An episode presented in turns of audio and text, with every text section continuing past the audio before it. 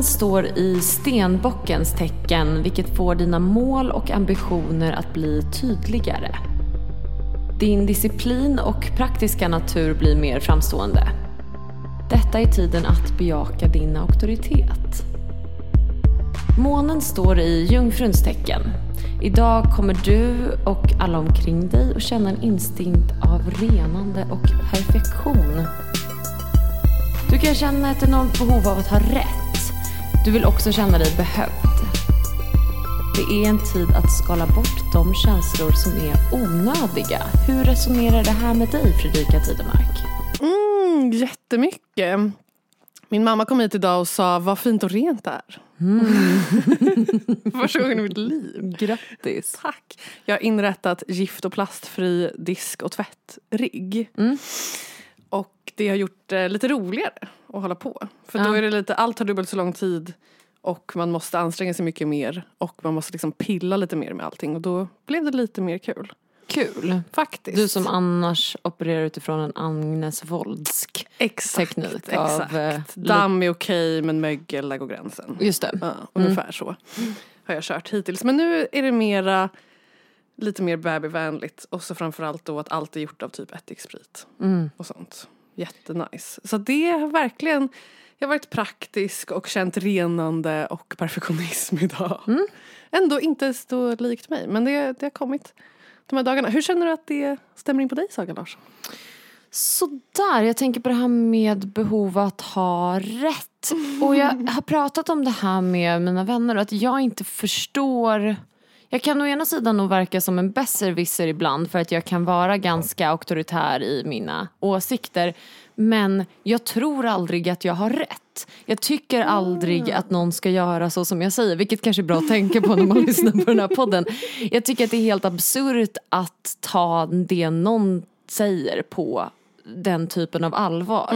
Ehm, som att man inte är extremt ombytlig och ett däggdjur. Alltså vem kan lita på ett dägg? Alltså det är helt absurt. Ja, vem kan lita på någon? Så att eh, det här med att behöva ha rätt är någonting som jag, ja, men jag, omdefin- jag, liksom, jag har tänkt mycket på det och att jag tror att om vi alla enades om att ingen har rätt så skulle samtalen bli mycket mer spännande för att någonstans, visst var det du som sa det att Joe Rogan hade sagt att får man inte längre bara göra ljud med sitt ansikte apropå Ja. eh, yttrandefrihet. Exakt, finns det plötsligt ljud man inte får göra med sitt ansikte längre? Sen när hände det? Och någonstans där kanske jag befinner mig tyvärr också. Jag hatar att hålla med Joe Rogan men Va, är det sant? Han är på min eh, rädda lista när Elon Musk packar ihop alla vita människor och vissa etniska kvinnor och flyttar till Mars. är det sant? Och vi får rädda några europeer tillbaka. jag har tycker typ- hans analys är rätt platt. Ja, det kanske är det. är att jag älskar att han älskar droger så mycket kanske. Ni hade haft kul på Mars ihop. Det hade vi nog i och för sig. Mm. Men jag, jag kan ta tillbaka honom till Europa och Jordan Klepper. Sen resten får åka tror jag. Okej. Ja. Sånt. jag eh, har alltid rätt skulle jag vilja säga. Just apropå det, här. ja vi är väldigt på olika sidor av spektrat där. För du, ja, du har ju alltid rätt även när du inte, bevisligen inte har det. Absolut. Så fortsätter du att ha rätt. Ja, Mm. hundra procent. Eh, Det är alltid så med mig. Jag har nämligen helt slutat ha ångest sen jag kom på att det är jag som har rätt och alla andra som har fel. Just det. Det hände typ när jag blev 25 ungefär. Mm. Så då när hjärnan har växt klart, då insåg jag alla andra har fel. Mm. Och jag har rätt. Och sen dess har jag liksom inte haft sån här förlamande fruktansvärd panikångest varje dag. Det är jätteskönt. skönt. För jag, jag tänker ofta på det just i termer av folk som tar plats i det offentliga rummet. Mm, Mest kanske influencers och livsstilsbloggare eller som i förra avsnittet även nämnt, eh, för förra avsnittet, eh, livscoacher. Att ja. människor som då har skapat en tillvaro som de tycker är tillräckligt bra att marknadsföra som rätt typ av tillvaro.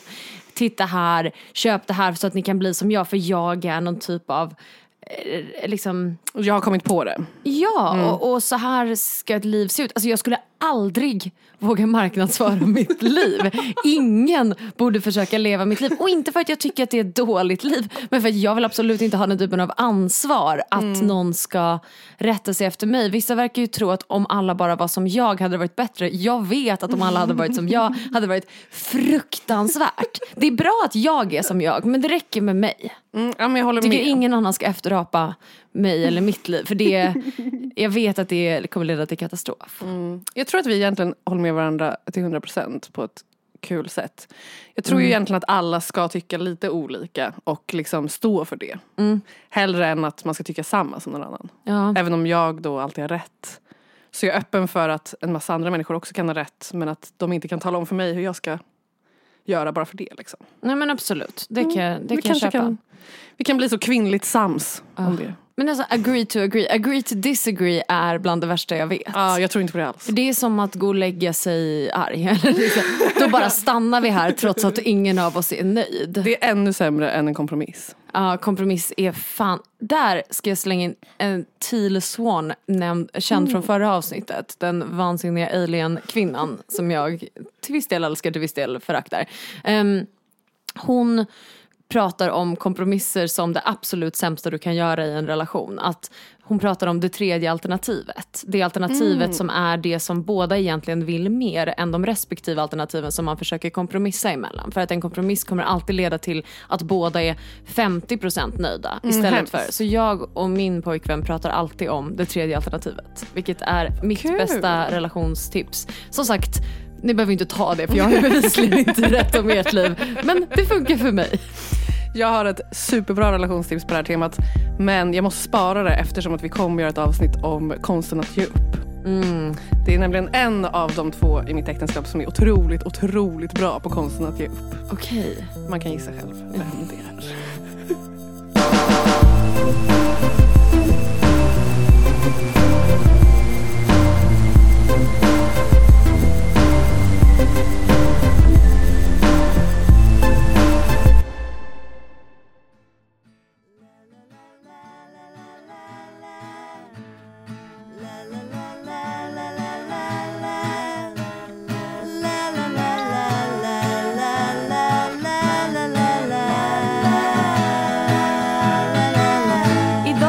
prata om den konstruerade kvinnligheten. Vi pratade i förra avsnittet om den gud, det gudomligt feminina. Eh, det mer andliga och eviga. Och idag ska vi prata om den mänskligt skapade kvinnligheten. Eh, apropå skapade kvinnor så skulle jag vilja introducera mitt alter ego Veronica. Ja, äntligen. Hon är då en, ja, men en, en eh, persona som jag tar fram och när jag vill känna mig kaxig och inte vara så brydd om vad alla andra tycker och bara få göra det jag gör. Hennes analys är ju på eh, viss del en arg gymnasial nivå vilket har genomsyrat eh, det jag ska prata om idag. Ehm, jag tänker att hon har tefat stora ringar i öronen. Hon är otrolig på att tugga tugga. Men jag tänker mig ett tidig 90-tals eh, kickers som ju var en grej då. Liksom läpppenna, stora hubba bubba bubblor. Hon har en äldre pojkvän som hon så här, han får ibland pulla henne när han köper ut på systemet. Hon bryr sig inte om någonting som händer runt omkring henne för hon vet ju att så här, hon är ämnad till mycket större saker och ska väl flytta till London och bli modell eller så. Ja. Eh, så att ingenting som händer henne spelar speciellt stor roll. Och i, Skönt. Ja. Jättebra karaktär att så jobba att med. det, hon tog lite rodret eh, idag känner jag när jag, eh, när jag knåpade ihop det här. Yes. Så, Fredrika. Den tredje dimensionen. Ja. Den som 99,99 procent av mänskligheten är fast i är ju alltså denna dimension med betoning på form. Den är uppbyggd av dualiteter. Ljus och mörker, värme och kyla, sol och måne, man och kvinna. Och idag är det ju just kvinna vi ska prata om. Jag har tänkt mycket sen förra avsnittet på The Divine Feminine och The Divine Masculine och egentligen hur obehjälpligt det är att de är könskodade.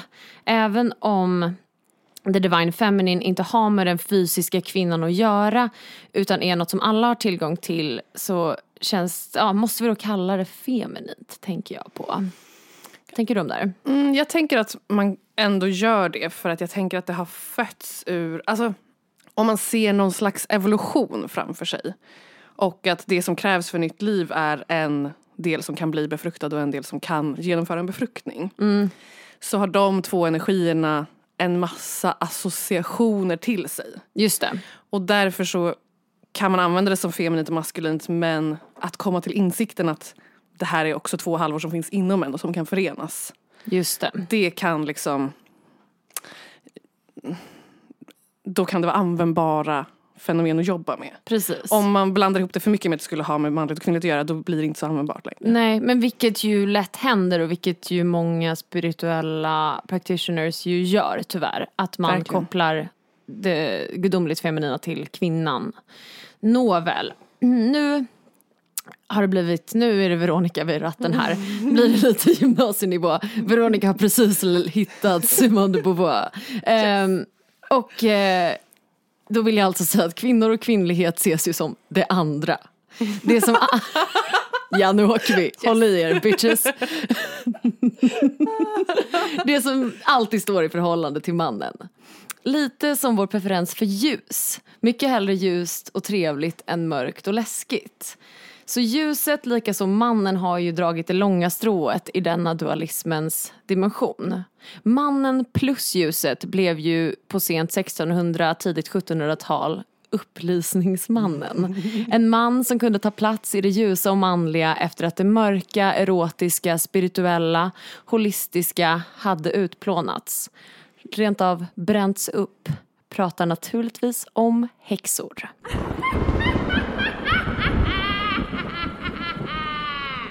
Vi måste förstå varför häxor brändes för att förstå samtidens patriarkala strukturer som jag vill prata om idag. Vårat undermedvetna som går patriarkatets ärende. Mikaela Larsson beskriver i sin bok Antikropp kropp, estetik och motstånd häxor som just holistiska, intellektuella, erotiska och spirituella människor. Inte kvinnor, betonar hon, då kvinna är motstycke till man och därför inte människa. Men häxor var människor som män tyckte sig behöva bränna. Jag tror att det var just läkningen av dualiteten som häxor bemästrat som var det absolut största hotet. Om vi läkt dualiteten i oss själva, den inre klyvningen och kan låta oppositionerna smälta samman så blir vi ju magiker med en enad vilja och är då ett enormt hot. Men nu då? Med feminism som lägger ett enormt fokus på dualitet. Vi vill ha lika som män, göra samma saker, tjäna lika mycket och det är ju fullkomligt begripligt och förståeligt tycker jag. Men i den här strukturen är verkligen män människor. Kolla på männen som styr den här världen. Tänker man verkligen, oj, ja titta där har vi en holistisk människa. Nej, de har förpassats till den andra änden av dualiteten. Men om vi pratar om det kollektiva undermedvetna som ett enormt lager där allt vi hatar och skäms över kollektivt har samlats och styr oss och vårt samhälle utan vår vetskap är det inte där vi måste gräva. Som Carl Jung sagt, jag har sagt det innan, kommer säkert säga det igen. Until you make the unconscious conscious it will rule your life and you will call it fate. För hur mycket vi än skriker om rättvisa och jämställdhet måste vi förstå att tills vi förstår att vi integrerat misogynin i oss så kommer vi bara öka klyvningen vilket tar oss längre bort från målet. Att bli häxor igen. Feminismen som jag och du ju vuxit upp med har en enorm betoning på systraskapet vilket är ett fruktansvärt försök till spiritual bypassing i min mening. När jag går in i ett rum fyllt av bara kvinnor så är jag fucking livrädd. För män ser i alla fall ut som det de utger sig för att vara, nämligen män. Men vi kvinnor som skenheligt håller varandra om ryggen för att sen ändå gå patriarkatets ärende genom små kommentarer och syrligt nedklankande av rädsla att bli utkonkurrerade. Vi måste acceptera att vi kvinnor hatar kvinnor. Och det är inte vårt fel. För hur skulle vi kunna göra något annat? Vi har vuxit upp i ett samhälle som hatar kvinnor. Varenda institution i Sverige är genomsyrad av kristendomen som ju hatar kvinnor. Ingen girl power-tröja eller feministiskt smycke kan någonsin fungera som plåster på det enorma infekterade köttsåret som är internaliserat kvinnohat. Och ännu värre alla män som sedan 2014 tvingats kalla sig själva feminister som ju också naturligtvis hatar kvinnor. Förmodligen mer än de andra, tror jag. Gud verkligen, jag var på en så läskig dejt en gång med en så här superduktig marxistisk liksom kille som verkligen så här plockat isär allting och han ser strukturerna och efter fyra öl så sa han att jag var en hora som han skulle skära halsen av.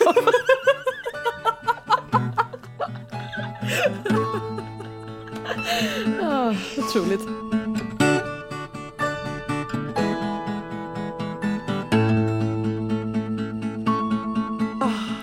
Men mest av allt hatar vi oss själva för att vi är kvinnor. Hur skulle vi inte kunna göra det? Det finns inget jag skäms över mer än att jag blöder varje månad och har bröst och fucking höfter. Vad är det? Alltså typ krock, krockkuddar för att jag är för dålig för att gå. Gör du, har du gjort kaffe till oss båda? Men gud vad gulligt. Jättemycket Jobbe. Då så. Jag tänkte säga att Saga inte dricker kaffe längre. Men jo, men det gör, ja, nu, jo men det gör jag nu. Oh. Eh, nej men jag tar svart tack. Jag vill jättegärna ha med tjock tjock vispgrädde i. Mm. Mm. Vad fint, tack älskling. Ja, tack så jättemycket. Vill du komma med den andra innan vi börjar prata igen så att du slipper ja. smyga sådär?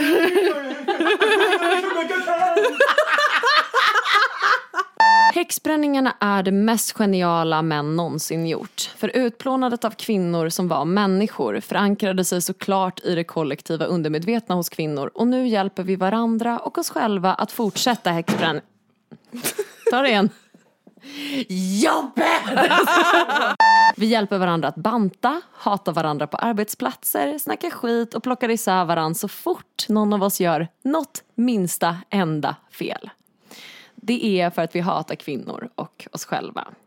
Sen räcker det inte att fortsätta medvetet hata kvinnor när vi medvetande gjort det här alltså. Så som vissa supercoola manstillvända kvinnor gör. De tror sig ha bemästrat patriarkatet genom att ställa sig på männens sida. Och det är ju effektivt om man vill vara en av grabbarna. Men vem fan vill vara det om man kan vara en häxa? Mitt förslag är alltså att vi måste inleda ett enormt radikalt skuggarbete för att läka vårt kvinnohat. Se det, acceptera det, förlåta oss själva och sen göra det rådande dualistiska systemet obsolet.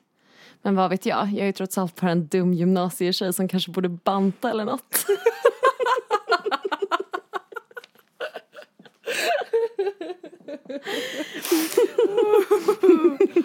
Veronica out.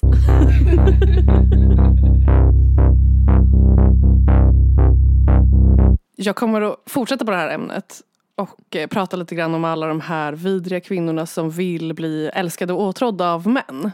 Mm. Svaga, svaga, dumma horor.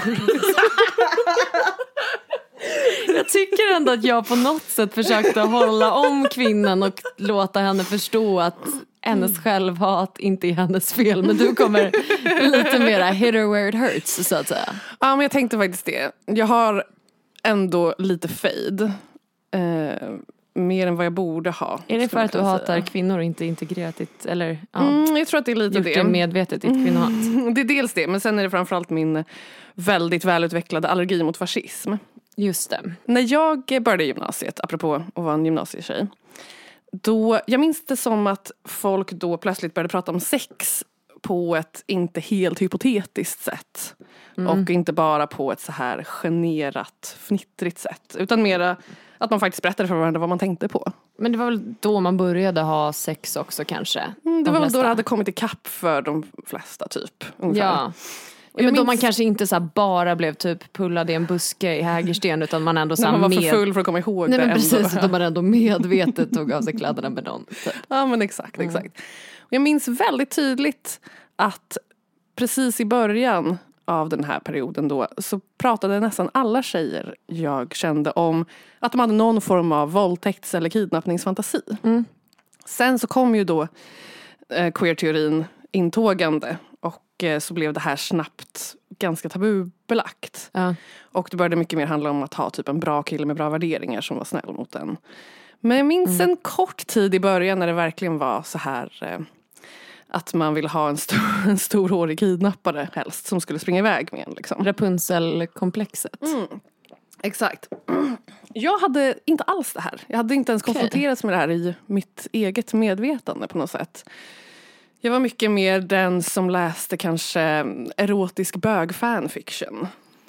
Jag vet inte om Just- du var liten tonåring när det här kom, men när alla skrev om så här Harry och Draco. Jo men absolut, jag har fanfic. absolut läst bög fanfiction. Men jag tillhörde nog också lägret av våldsfantasier ändå. Mm, mm. Tills det hände på riktigt och det inte var lika kul längre. Vilket ju goes to show att fantasivärlden är så mycket bättre än verkligheten. Och Och att, så mycket tryggare och den finns av ett skäl kan vi säga. verkligen. Verkligen. Eh, Så att man ska kunna få utforska saker utan att utsätta sig själv för någon slags fruktansvärd fara. Liksom. Verkligen. Jag var inte heller så intresserad av de här väldigt stora farliga männen. Jag gillar liksom någon i min egen storlek. Eh, Som man kan få en ärlig fight med om man säger så. Och praktiserade absolut inte en heterosexuell livsstil överhuvudtaget. Det Nej. kändes inte, det var inget medvetet val på något sätt. Utan eh, jag såg liksom fram emot att få utforska hela det sexuella fältet och bara göra vad jag kände för. Det fanns ingen, jag har faktiskt inte blivit uppfostrad med någon som helst sexualskam. Mina Nej. föräldrar skilde sig ganska tidigt i mitt liv och dejtade ganska mycket efter det och det var väldigt så här, accepterat. Skönt. Min mamma var också bra på att leva ut mycket fantasier. Ja. Jag tänker, var, la de också betoning på alltså, icke-heteronormativitet? Var de liksom, pratade de i termer av att du kunde vara med vem du ville? Eller hur Inte så det? jättemycket men Nej. de var aldrig liksom skeptiska till det. Utan Nej. det var mer så här okommenterat bara. Mm, Inget problem. nej. För jag minns själv första gången jag insåg att jag gillade en tjej, då var jag sex år och det var min, ja, min då förskolekompis som jag, vi blev tillfrågad typ så här, "Ja, men när du blir stor och ska gifta dig, jag tror det var någon vuxen som frågade det, så här, vem vill du gifta dig med då? Jag bara, "Nej, men jag vill ju gifta mig med Agnes liksom. Och att jag minns fortfarande den känslan av när alla började skratta och jag för första gången insåg att nej men just det, det, går, det kan man ju inte göra. Hur det liksom rämnade, det var som en svindel och någon typ av så kall känsla i magen av att så här, det här blev fel och eh, ja, som man ju kan gissa så har jag ju kämpat med en hel del internaliserad homofobi eh, som genomsyrat mina relationer med kvinnor, absolut. Så hemskt. Det där kan verkligen sätta sina spår. Verkligen. Vuxna är så otroligt okänsliga med barns integritet. Med Och saker. barns sexualitet. Nu då så lever ju jag eh, mitt liv eh, mer och mer som en hemmafru för varje dag. Mm. Jag har en mycket närmre känslomässig relation med min eh, återvinningsbara skrubbsvamp av hampa än med liksom många av mina nära släktingar. Ja, Du har inte direkt stickat lite den senaste tiden om man säger så. Verkligen. Och jag tror att det här har väldigt mycket att göra med att den moderna feminismen, queer-teorin och intersektionalismen har bara hamrat queeren ur mig. Mm, intressant. Så mycket. Tack. Nej men det är intressant. Berätta allt. Ja, alltså, jag skulle ändå vilja hävda att alla tankesystem eller eh, filosofiska läror som inte inkluderar någon slags liksom, marginal för en kontrasterande tanke eller en kontrasterande idé är fascism. Mm. Och det bara är så. Ja.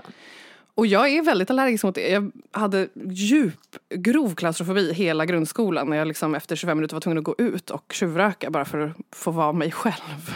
Och inte bli eh, en i korvstoppningsmaskinen bara. Och när jag har vuxit upp då från tonåring till vuxen så har min version av att kanske vara queer eller min version av att bara få vara människa har väldigt ofta ifrågasatts. Nästan konstant kan man säga. Förmodligen för att min ingång till det alltid har varit andlig. Och inte vare sig praktisk eller politisk på något sätt. Ja. Du vet hur det är, man har estetbakgrund, alla ens vänner är marxistflator. ja. Det är inte helt lätt att välja en slags hemmafru-livsstil. Utan man blir konstant ifrågasatt av exakt alla i sin omgivning. Mm. Sen så är jag då tack och lov så otroligt andligt upplyst att jag vet att det här bara är projicering. Mm.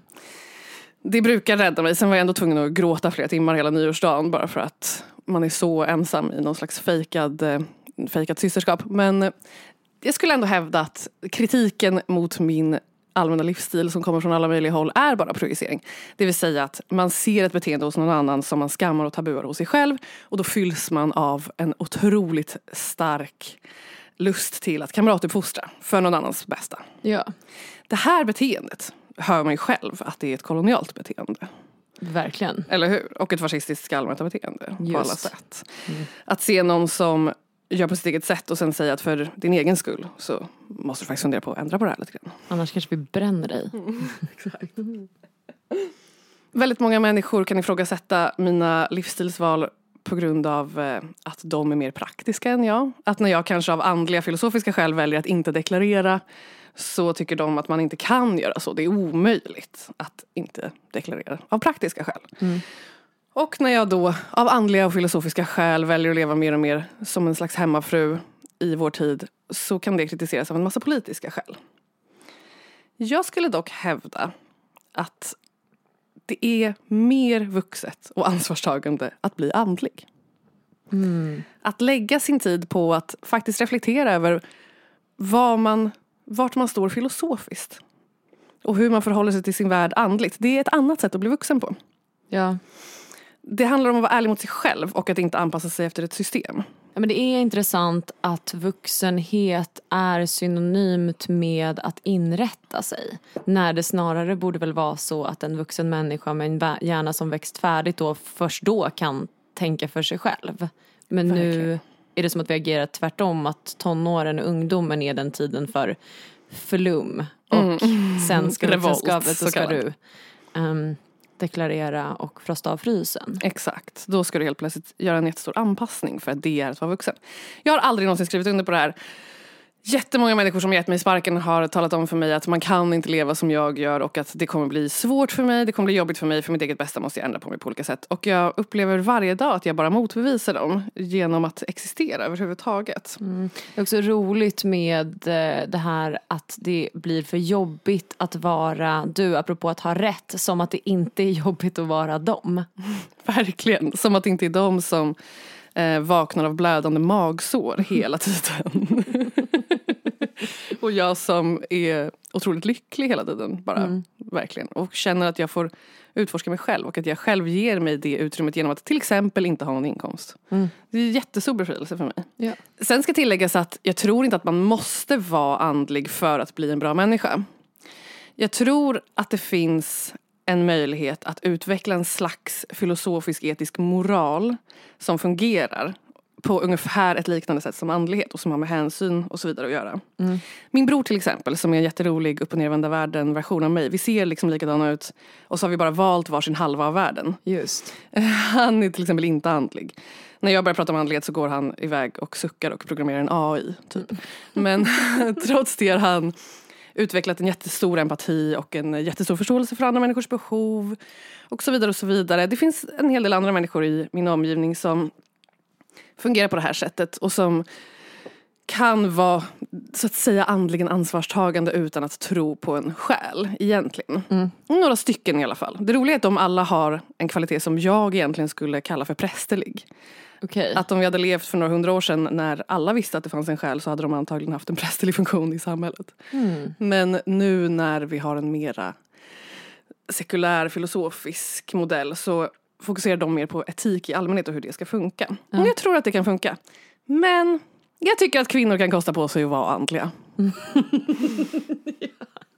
Om vi nu ska ha den här modellen med att den lilla minoriteten kvinnor som försöker vara speciella och sticka ut och inte vara med på tåget, att de bara förstör för majoriteten som kämpar sig framåt i patriarkatets sega lera och som är en progressiv kraft och därför måste man bara supporta dem oavsett vad.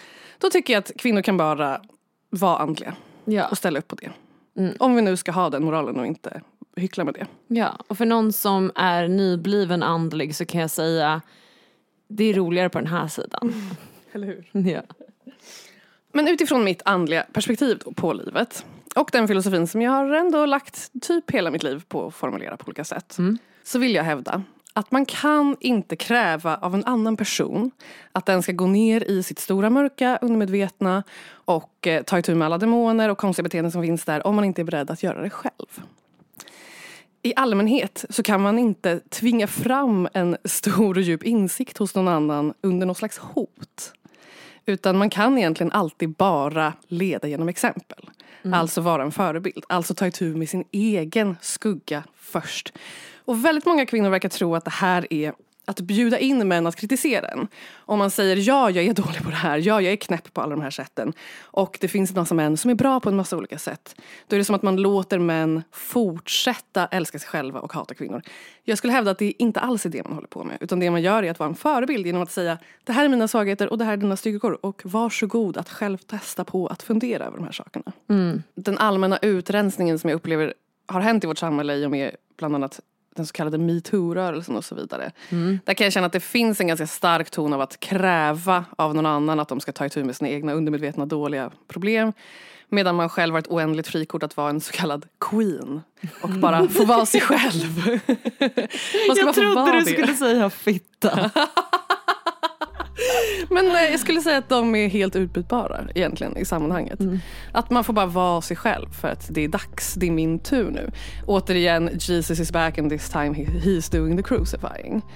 Den mentaliteten kan råda ganska mycket och det är framförallt den mentaliteten som har hamrat queeren ur mig.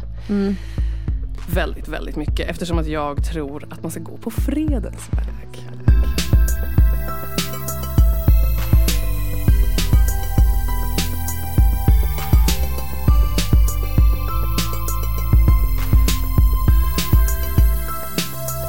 Just i frågan om metoo har ju vi lite olika ståndpunkt. På jag tror att en, ett kollektivt uttryck för ilska var 100% nödvändigt från kvinnor som har utsatts för förtryck under så lång tid. Men det som jag håller med om är att uppföljningen, alltså upplockningen av det efter har varit katastrofal. Att tänker vi då att vi ska fortsätta med ett, ett konstant call-out-samhälle utan någon tanke på läkning och eh, förlåtelse och nya visioner kring hur det då ska se ut. Eh, det, ja. Jag håller med på jättemånga sätt om det. Men jag tycker också att det finns en sida av bypass från kvinnornas håll. Som jag skulle vilja formulera som att det vi kallar för patriarkatet hade aldrig kunnat hända på riktigt om det inte fanns någonting i den kvinnliga skuggan som är allierad med någonting i den manliga skuggan. Och det här tror jag kommer i och med domesticeringen. Ja. Domesticering handlar ju om att undvika obehag, eller undvika krångel, undvika ansträngning egentligen. Undvika hårt arbete. Att göra det lättare för sig själv. Och att i det sammanhanget vara kvinna finns det ganska många sätt att vinna på. Att slippa göra någonting jobbigt är lättare om man är svag och någon annan är stark till exempel. Mm. Ett praktiskt exempel på det här är mellan mig och min pojkvän att jag hela tiden måste påminna mig själv om att för att liksom jämna ut att jag ska bära kassar. Jag har så, det är så ingrott i mig att är det tungt så ska jag inte behöva bära. Jag tycker det symboliserar det här rätt bra. Ja, och jag kan också tycka att så här, om ni har en överenskommelse som är att du inte behöver bära tunga saker och att du kanske får göra någonting annat så är det ert problem. Också. Eller liksom, det får väl ni lösa hur ni vill. Poängen är att man kan inte hålla på och moralisera över vad som är rätt och fel för då blir det just det här att man skammar och tabuar saker som hamnar i det undermedvetna och så gör det saker bakom ens rygg. Därför åter till våldtäkts och kidnappningsfantasin. Japp. För att prata om något lite roligare. Jag kom i kontakt med den då dels genom att prata med andra tjejer och sen också genom ett specialintresse som jag har haft. Jag laddade hem en film på den goda tiden när allting fanns på internet innan internet också bara var koloniserat och eh, ägt av USA. Som handlade om eh, lite olika myter och legender. Och bland annat en myt och legend handlade om ett åskväsen, eller en thunder being. Som var en man i väldigt mycket blå kroppsmålning. Och jag kan inte säga exakt vad det var men någonting gjorde att jag kände att hans IMDB-sida ska vi nog gå in och kolla på. Och se om han har gjort någonting annat som man kanske kan kolla på, uppdateras på. Det visade sig att han hade gjort en film som hette Stolen Women Captured Hearts. Och jag kände det här är helt rätt. Det här är det vi ska ha. Mannen i fråga heter professor Michael Grey Eyes. Och jag kommer prata mer om honom i nästa avsnitt när vi ska prata om manlighet. Antagligen i alla avsnitt efter det. För det finns ingen man du pratar om så mycket. Mer än din man så pratar du faktiskt om Michael Greyjoy. Och det kommer att visa sig varför. Det måste vara så. Jag lovar. Den här filmen är gjord 96. Och den är gjord ur det fruktansvärt pinsamma, obekväma perspektivet kvinnlig sexuell agens. Det värsta vi vet. jag vet inte om jag har sagt det här innan men till exempel när Twilight kom så var ju alla så otroligt upprörda över att det var så här tonårsskräp och tjejfantasier. Att ingen hann säga varför har vi lämnat hela fältet tonårsskräp och tjejfantasier öppet för mormonerna att claima.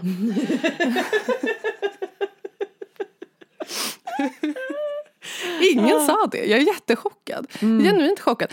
Tonårstjejers sexuella agens, superviktigt.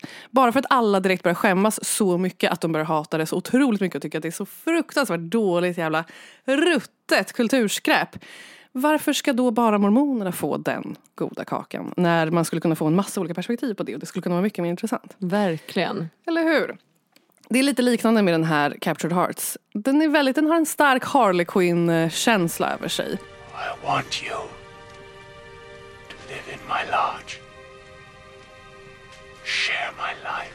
Professorn iklädd historisk klädsel, alltså höftskynke, kidnappar en vit kvinna. Det är mm. framförallt det som den här filmen handlar om. I den här filmen figurerar två olika kvinnor som jag skulle hävda är ypperliga representationer av den domesticerade västerländska kvinnliga fantasin om en preciviliserad manlighet. Alltså den som kommer och bara kidnappar dig. Just. Mm. Den ena heter Anna, den andra heter Sara. jag vet inte varför det var roligt. Åh, tjejer. Ja, jag vet. Kära tjejer. Anna kommer till den nya världen. Hennes bror som är en god kristen man har fixat en god kristen make till henne. Hon åker en sån här eh, vagnkaravan, du vet när de har runda vita tak över vagnarna och mm. så åker de över en prärie. Ett antal vildar dyker upp mm. och eh, börjar skjuta med vapen och såna saker. Eh, framförallt en extra stor och stark och imponerande vilde rider fram till hennes vagn, siktar på henne med ett stort vapen och hon gör det alla rimliga kvinnor skulle göra, nämligen greppar sin bibel och trycker den mot sitt bröst. My! Han ser på henne, hon ser på honom. Han sänker sitt vapen, rider därifrån och låter dem komma undan. Man tänker då att det var Gud som gjorde det här. Och på ett sätt kanske det var det. Hon kommer fram, Anna alltså. Hon eh, får gifta sig med den här goda kristna mannen och får sen leva alla vita domesticerade kvinnors absoluta drömliv, nämligen bo helt själv i ett jättestort hus. Mm. Så himla härligt. Hennes dagar liksom flyter på, hon är helt själv i det jättestora huset. Ibland dyker hennes dumma kompis Sara upp och pratar lite om klänningar. Det är ungefär det som händer. Tills en dag. När det dyker upp ett gäng vildar. När hon sitter helt själv i det enorma huset. Sara är också där. Så att Sara blir liksom lite på köpet kidnappad. De skulle väl egentligen bara hämta Anna, får man känslan av. Men ja, hon åker med på köpet. De transporteras iväg till en by bestående av en Lakota-indian tribe. Mm. Vad fan heter det på svenska? Mm. En stam. Just. Mm. Ja, jag hade ju inte sagt indian, men där är vi olika. jag kände att jag gick hårt ut med vildar och sen trappade ner successivt. Just det, just det. Ja. Men där är vi olika. Eller hur? Ja. Vadå, finns det plötsligt ljud man inte får göra med sitt ansikte eller? mm. Väl framme i den här byn så får de då lite nya kläder som de ska ha på sig istället för sina risiga korsetter. Anna samarbetar och tar på sig den här eh, hjorthuden. Sara bråkar och gnäller och säger att det är loppor i hjorthuden och att hon aldrig någonsin kommer ta på sig den. Och oh, att, typiskt Sara. Oh, verkligen typiskt Sara. De får lite mat, Anna äter maten och Sara säger att det är fruktansvärd eh, skitmat, att den är gjord av hundar, att hon aldrig kommer att äta den. Så vidare, så vidare. Så här håller det på ganska länge. Anna går från att tillbringa hela sina dagar helt ensam i ett stort hus till att tillbringa hela sina dagar med typ 25 andra kvinnor och göra massa nyttiga, meningsfulla saker hela dagarna. Typ vad? Typ eh, ta hand om barn, göra rent saker, brodera, göra jättefina pärlbroderier, mm. eh, fläta massa korgar. Viktigt. ja, mm. massa viktiga saker som de behöver för att överleva. Den här mannen, professorn då, som har kidnappat henne, han dyker upp ibland. Han, eh, mm, för att inte förvirra kanske det ska sägas att det är ju skådespelaren som är professor Precis. och inte då. inte bilden som har kidnappat henne. Nej. Han heter, tror jag, Tokala i filmen. Något väldigt sexigt, typ sånt heter han. Han dyker upp ibland och har kanske hämtat ett djur som alla kan äta. Eller hämtat lite skalper som han ger till henne som en fin present. Eller någonting sånt. Hela hans allmänna manlighet handlar väldigt mycket om på vilket sätt han bidrar till alla andras välfärd. Det kommer jag prata mer om i nästa avsnitt. För att hon kommer ju väldigt mycket från den här kulturen där hennes man hela tiden går och gör sitt eget självförverkligande. Liksom. Eh, och alla män egentligen gör sitt eget självförverkligande Ja. i hennes ursprungskultur. Medan den här eh, mannen som har kidnappat henne då på olika sätt är väldigt älskad och uppskattad av sitt folk. Han lär sig hennes språk, hon lär sig hans språk, de kommer närmare och närmare varandra. Hon börjar mer och mer förstå innebörden av den här kidnappningen och varför det egentligen också är lite kulturella skillnader som har gjort att hon upplever den mera skrämmande än vad han egentligen så att säga menade det som. Dessutom, det är ju förstås väldigt kontroversiellt att man skulle bli kidnappad och gilla det. Det är ju som sagt, skulle jag hävda, en eh, domesticerad kvinnlig fantasi. Eftersom att man själv inte har något som helst ansvar. Man själv kan inte skyllas för det här. Hur mycket man än vill ligga med en jättesnygg man i ett höftskynke så har man liksom inte styrt upp det själv. Nej. Utan någon annan är skyldig hela tiden. Och man själv är oskyldig hela tiden. Och jag skulle säga att det här är väldigt cen- centralt för den kvinnliga domesticerade skuggan. Att det är någon annans fel. Just. För man själv var för svag, för dum eller eh, kunde bara inte göra någonting åt det på något sätt. Hon är väldigt noga med att hon måste vara trogen mot sin man och sin gud och det blir liksom en liten diskussion för att han tycker att men jag har ju gett dig ett mycket bättre, finare hem och ett mycket bättre, trevligare liv. Eh, Varför skulle du ha någonting att göra med den här mannen som inte finns här? Det är väldigt så här, skumt. Och hon blir ju såklart mer och mer kär i den här mannen som tar hand om henne hela tiden och är eh, jättesnäll och lär sig hennes språk och sitter och pratar med henne på kvällarna. Och de har allmänt trevligt. Och eftersom att hon inte väljer den här approachen som Sara väljer som är att bråka och skrika om exakt allting utan istället väljer att samarbeta så blir hon mer och mer också uppskattad och värderad medlem av så att säga stammen eller laget. Och den liksom självutvecklingen det odlar i henne gör att hon upplevs som så mycket mer modig och stark och självständig än den bråkiga skrikande tjejen som vägrar gå med på det som har hänt. Vilket också man kan tänka på ett litet tag. Det är jätteintressant i förhållande till ja, men som spirituell metafor i form av acceptans. Och också för att koppla tillbaka till vår favorit Caroline Elliot. Eh, att vi inte kan hjälpa våran skugga och våra undermedvetna begär. Men att när, vi, när de väl kommer upp till ytan och att inte då tabubelägga sig själv för att erkänna att man kanske hade längtat efter det och då låta sig lut, själv luta sig in i det så blir man inte ägd av det heller. Exakt, man slutar vara ett offer på ett intressant sätt. Det här pågår liksom ett tag, det händer inte så jättemycket i filmen. Det ska sägas att det finns en del delar av filmen som handlar om eh, Annas man och hans olika insatser han gör för att få tillbaka henne. Överste George Armstrong Custer är av någon anledning med i filmen eh, och gör olika saker. De delarna lär man ju sig att spola förbi när man har sett filmen ett par gånger. Men lite sånt händer. Men efter ett tag i alla fall så uppstår en stor konflikt mellan Anna och en annan kvinna i lägret som är liksom lite rival om den här mannens uppmärksamhet. Och den andra kvinnan attackerar henne, de börjar slåss. Ingen lägger sig i. Ingen tycker att det här är särskilt konstigt. Att de eh, behöver göra det här. I alla filmer så är man så vana vid att två personer börjar slåss och då kommer massa andra människor fram och ska slita isär dem. För att så här kan man inte bete sig. Men alla bara låter det här spela ut. Och Okej. eh, det går hur bra som helst. Eh, Anna är såklart i ett jättestort underläge ungefär hela tiden. Tills hon råkar få tag på någon stor sten som hon liksom ska sula i huvudet på den andra kvinnan.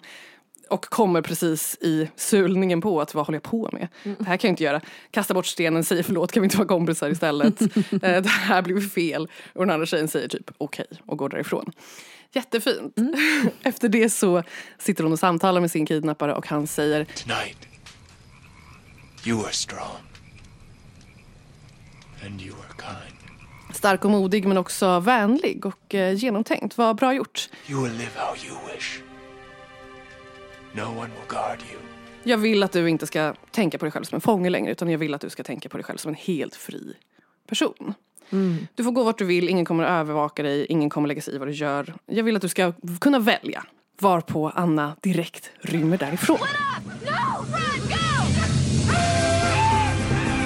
Hon kan ju inte vara där längre om det inte är hans fel att hon är där. såklart. Just det.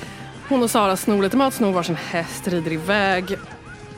Det tar typ en halv dag, sen är de såklart upphittade av kidnapparmannen och hans kompisar. Det är väldigt mycket lättare för dem att hitta dem ute på prärien än vad det är för dem själva att fly.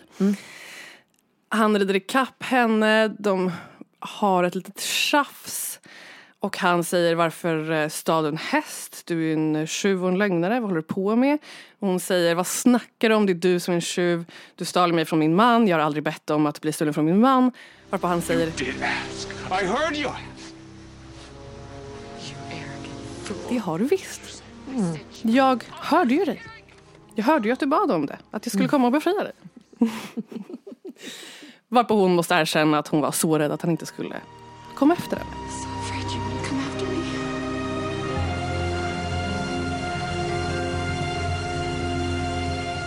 Eh, jätteromantiskt och så vidare. Sen händer lite andra grejer, det är lite krig och lite skit bla bla bla. Men eh, poängen med det här som jag ändå vill understryka är att i arketypen för den europeiska domesticerade kvinnan i alla sagor vi har hört i allmänhet. Det är väldigt mycket en tjej som sitter i ett torn och är vaktad av en drake.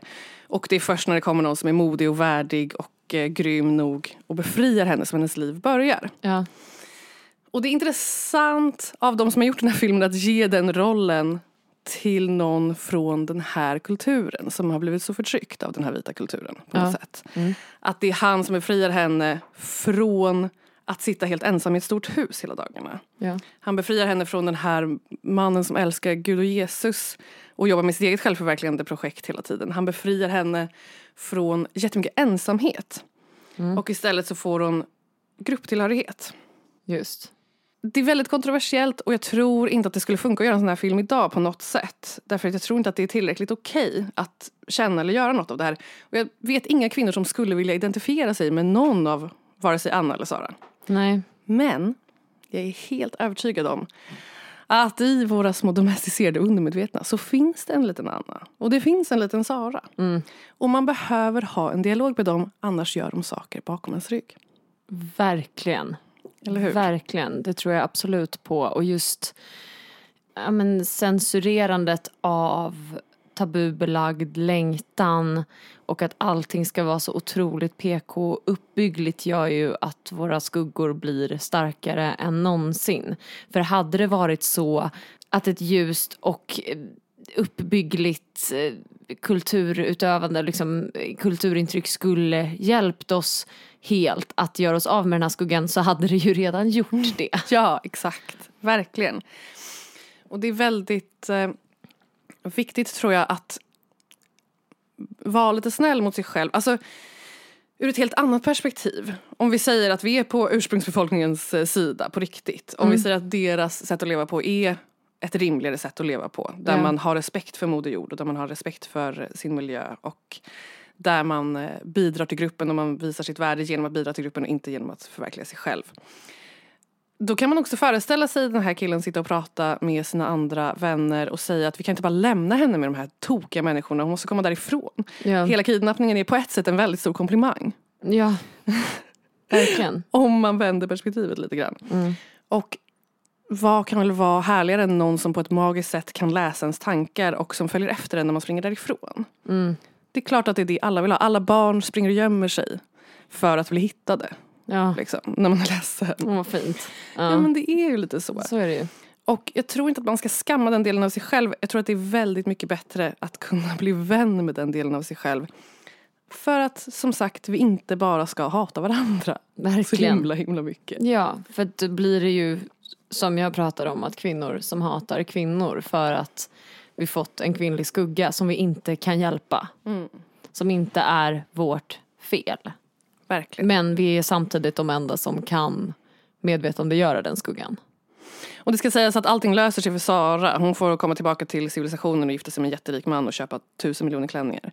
Eller göra en Bella Swan kan vi säga. Alltså mitt största råd och tips till alla är Förutom att man nu för tiden inte kan ladda hem Stolen Women Captured Hearts gratis på internet som man kunde på den gamla goda tiden. Utan nu måste man ge pengar till Jeff Bezos för att göra det. Men om det inte vore för det, se den med dina barn. Se om du är mentalt utrustad att svara på de frågor som kommer upp efteråt. We were